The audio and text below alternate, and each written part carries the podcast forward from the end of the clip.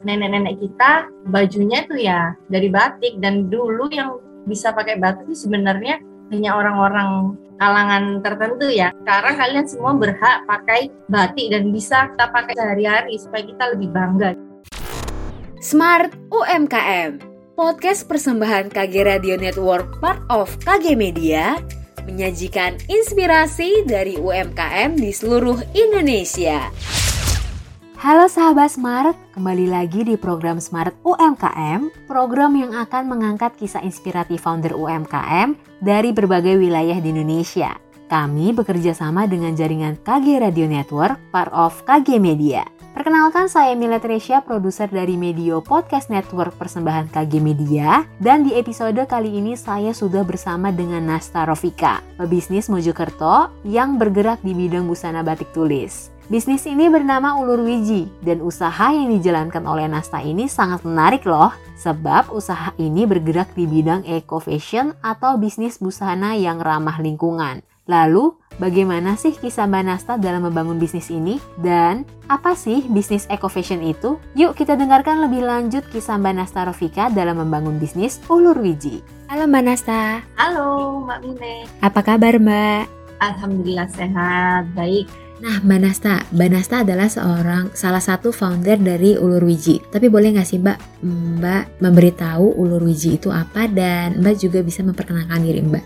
Hai semuanya, salam kenal. Nama saya Nasta Rofika. Saya co-founder dari Ulur Wiji. Jadi saya bersama Joko, suami saya, eh, kami mengembangkan sebuah bisnis eco fashion yang kita beri nama Ulur Wiji. Seperti itu. Jadi uh, Ulul Wiji sendiri adalah bisnis fashion yang uh, membawa tiga core value yang selalu kita pegang teguh yaitu pertama preserving batik, preserving culture uh, melalui batik tulis dan batik cap. Kemudian eco-friendly karena semua bahan yang kami gunakan adalah bahan-bahan dari alam yang biodegradable Kemudian yang ketiga kita empowering youth. Jadi kami create batik tulis di desa kami melalui pemberdayaan anak-anak muda desa yang kita bina mulai dari nol. Seperti itu Mbak Mili. Oh berarti bisnis ini juga sekaligus menarik minat anak-anak muda ya Mbak?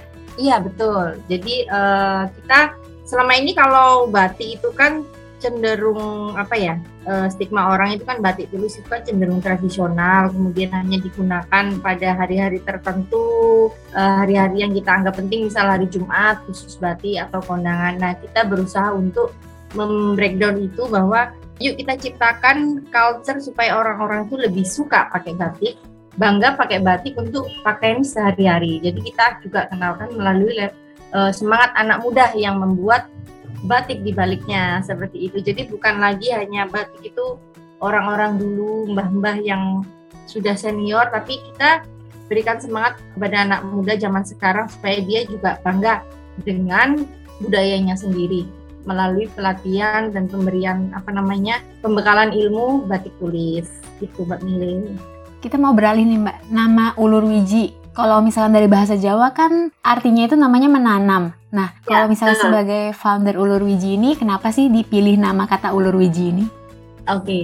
ini agak panjang dikit ya Mbak Mili karena ini uh, memang perjalanan refleksi kami ya. Jadi dulunya saya uh, juga pernah berbisnis di bidang fashion ya, tapi lebih ke fast fashion. Jadi uh, ulur wiji ini artinya ulur itu kan menanam, wiji itu kan benih. Kalau udah secara bahasa sehari-hari. Jadi uh, kami merasa ulur wiji ini apa ya? Kami berdua bersama suami saya. Jadi kami merasa kita semua itu kan makhluk Tuhan yang kecil ya, uh, makhluk Tuhan yang apa namanya tidak bisa hidup sendiri. Tapi kami juga ingin memberikan manfaat untuk masyarakat sekitar. Jadi tercetuslah waktu itu kita adalah sebuah benih seperti itu.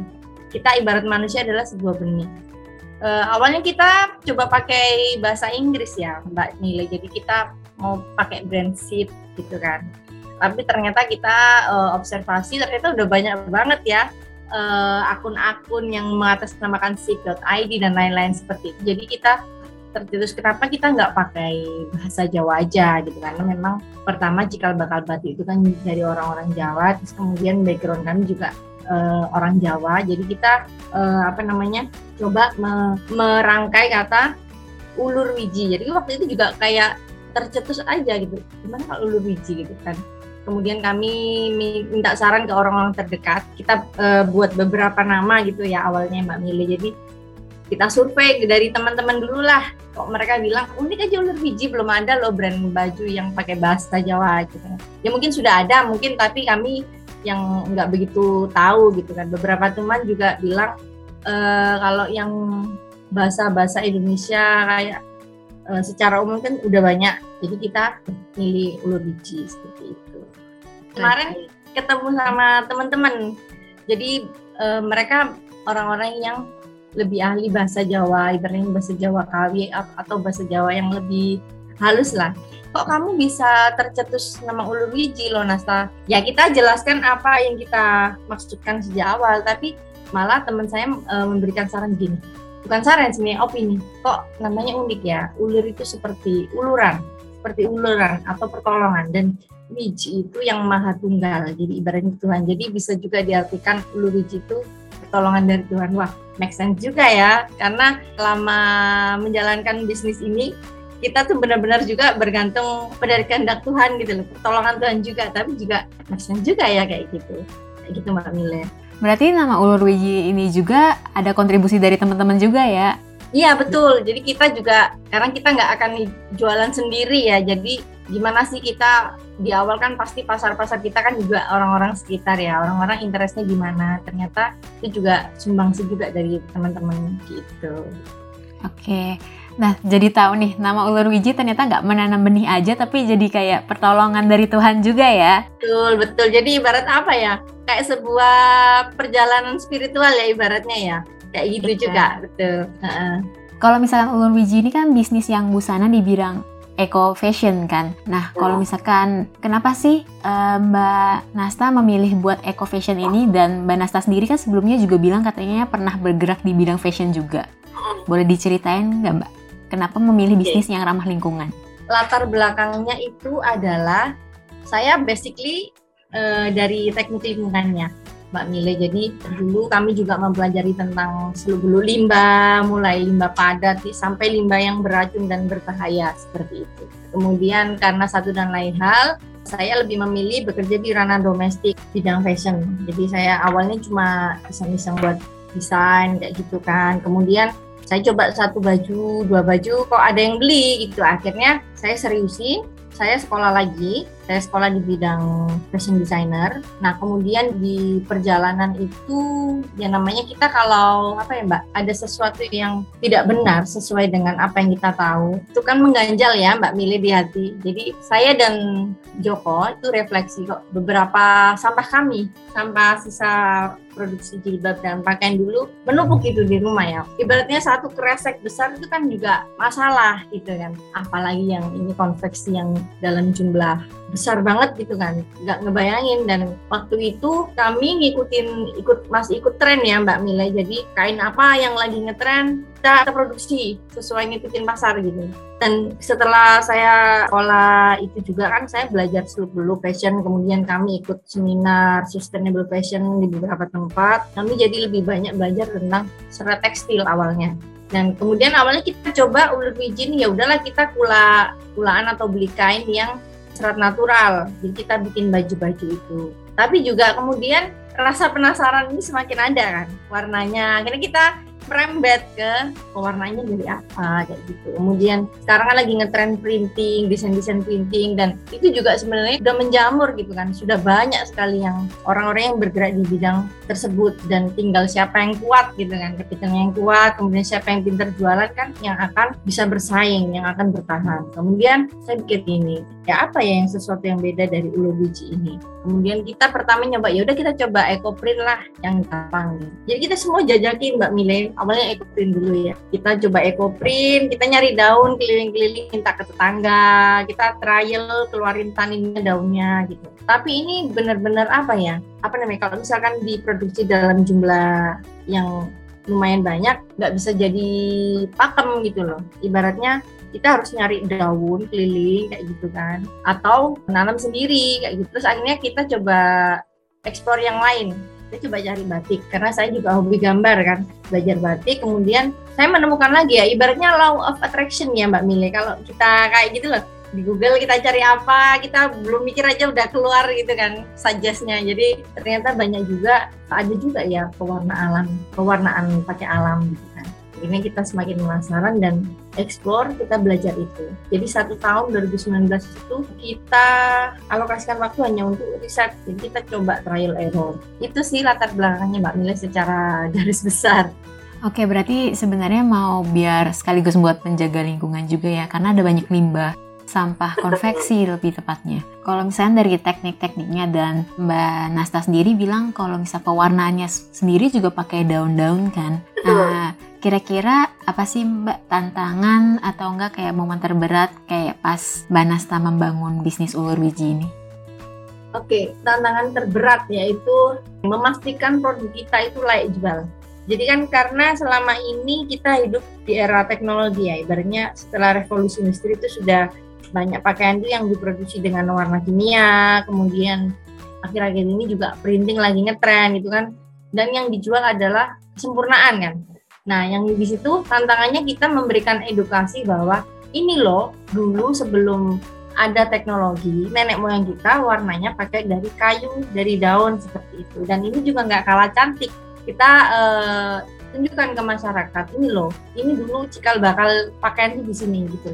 Nenek-nenek kita bajunya tuh ya dari batik. Dan dulu yang bisa pakai batik sebenarnya hanya orang-orang kalangan tertentu ya, kalangan uh, ningrat gitu kan. Sekarang kalian semua berhak pakai batik dan bisa kita pakai sehari-hari supaya kita lebih bangga gitu. Jadi supaya tidak diakui negara lain kalau batik itu kan dari Indonesia seperti itu tantangannya. Kemudian juga memastikan produk kita nggak kalah cantik itu mbak mbak Mili tantangannya jadi kita pewarnaan ya lebih ke pewarnaan ya kadang apa namanya beberapa jenis kain itu misalkan cotton. Kain kan macam-macam ada cotton ada rayon ada viscose. Itu dengan celupan dan resep yang sama hasil hasilnya belum tentu sama. Belum tentu sama identik ya. Tadi ya mungkin beda satu dua ton itu karena pengaruh seratnya juga itulah apa misterinya pewarnaan alam ya jadi kita nggak bisa menebak-nebak dan mematenkan oh bakalan begini seperti itu. Jadi apa yang alam suguhkan yaitu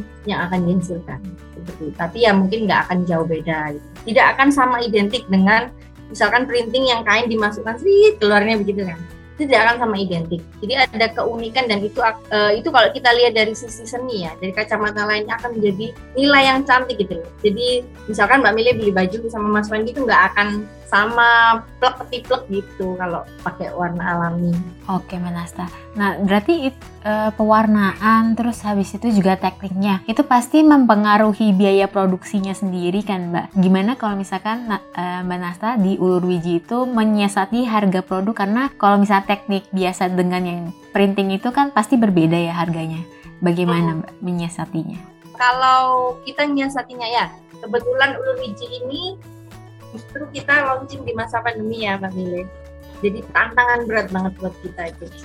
Di saat orang lebih milih beli obat atau beli vitamin dan beli beras, kita justru jualan batik tulis yang notabene mahal gitu kan. Akhirnya gini, oke okay lah, kita mulai dulu dengan sumber daya yang ada, kita mulai dengan desain-desain yang simple. Jadi begitu. Jadi kan semakin rumit batiknya itu kan memakan jam kerja semakin panjang. Kan? Jadi kita siasati dengan cara uh, desainnya yang simple tapi tetap elegan dan eye catchy, tidak uh, tidak menghilangkan khasana batik itu sendiri. Nah kemudian seratnya kita pilih tetap yang natural dan certified tapi masih affordable. Kemudian warna-warnanya kami pilih warna-warna yang tone-nya cerah supaya uh, pencelupannya juga tidak terlalu memakan waktu dan material yang banyak seperti itu. Jadi gimana caranya lah kita baju kita masih oke, okay, masih cantik, tapi menekan uh, harga pokok tadi.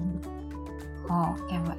Nah kan Mbak Nasta udah ada siasat, ada strategi cara bikin usaha. Nah ada nggak sih mbak uh, tips atau strategi buat uh, teman Smart Inspiration ini kalau misalkan memulai bisnis apalagi bidang fashion mbak? Kalau saya sih ini sih pesan saya cuma satu ya, mulai dulu baru sempurnakan. kalau kita nunggu sempurna kita nggak akan berani-berani mulai. Jadi kita sambil jalan ya udah mulai dulu. Uh, sambil jalan sambil belajar kemudian sambil memperbaiki ya sambil memperbaiki terus menerus lah ibaratnya ya. Jadi jangan takut gitu kalau saya tipsnya karena saya juga awalnya juga berani kenekatan gitu kemudian kita di pendidikan tinggi kan jangan kalau bisa jangan hanya sukses untuk diri sendiri gitu kan tapi rangkulah masyarakat di sekitar kita gitu kan. Itu sih yang membuat saya akhirnya berani untuk tergerak. Ya udah kita nekat aja uh, dengan modal yang ada sumber daya yang ada. Awalnya kita juga dari satu orang mbak Mile ya. Kemudian ya kita apa namanya dari pertolongan Tuhan itu tadi. Kemudian kita juga tetap ikutin apa yang pasar suguhkan. Kita coba ikuti tapi tidak meninggalkan sana batik itu tadi sendiri akhirnya ya sudah pelan-pelan nanti waktu itu akan apa ya usaha tidak akan mengkhianati hasil. Oke, berarti Mbak Nasta juga secara tidak langsung juga pengen mengajak masyarakat buat berkarya ya tentunya ya. Tuh, jadi kebetulan di sini banyak anak-anak muda ya Mbak Mila. Jadi 70% karyawan kita anak muda, selebihnya ibu-ibu muda kayak gitu. Karena mereka tidak ada basic sama sekali membatik. Mereka lulusan SMA, SMK gitu kan selama pandemi kemarin tergerak untuk ya kita kita kasih training. Satu dua bulan itu kita training maksimal untuk membuat batik. Dan di tengah-tengah training itu kita kasih challenge untuk mereka e, ayo coba kerjain produk pesanan ini jangan takut salah. Jadi kita berusaha mengajak adik-adik untuk berkarya dan jadi kreativitasnya teman-teman pemuda yang ada di sini. Kemudian desain-desain batiknya itu juga dari kreativitas teman-teman jadi meskipun kita hanya membatik dan tunjukkan bahwa batik itu identik dengan orang-orang yang sengsara tapi bahagia gitu kalian juga bisa berkarya melalui batik Oke, berarti selain mengajak uh, teman-teman juga, terus habis itu juga terlibat untuk menjaga lingkungan juga, Mbak Nasta. Kira-kira ada nggak Mbak pesan terakhir untuk para pendengar Smart Inspiration, Mbak? Iya, pesan terakhir ya. Uh, kami bukan yang paling sempurna ya, Mbak Mili, tapi kami berusaha uh, memberikan apa yang sudah pernah kita alami ya. Jadi kalau teman-teman ingin berkarya apa pun itu jangan takut, kemudian mulai saja dan jangan berhenti. Nah, kalau misalkan ada titik di mana kita merasa jenuh, penat, ya sudah kembalikan sama yang di atas. Nanti pertolongan Tuhan itu akan turun dengan sendirinya. Kita jadi mulai baru sempurnakan dan jangan lupa selalu libatkan Tuhan di apa tengah perjuangan seperti itu. Terima kasih Mbak Nasta. Ya, sama-sama Mbak Lili. Demikian episode Smart UMKM bersama Nasta Rofika. Usaha Nasta dalam membangun bisnis di bidang busana tidak hanya mengembangkan dan menyelaraskan budaya Jawa tradisional dengan masyarakat kekinian, namun mereka dapat turut serta dalam merawat lingkungan ya. Jangan lupa follow Instagram dan TikTok at Medio by KG Media untuk informasi menarik lainnya ya. Saya Mila Tresya dan segenap tim yang bertugas pamit undur diri. Sampai jumpa di episode selanjutnya. Smart UMKM Podcast persembahan KG Radio Network part of KG Media menyajikan inspirasi dari UMKM di seluruh Indonesia.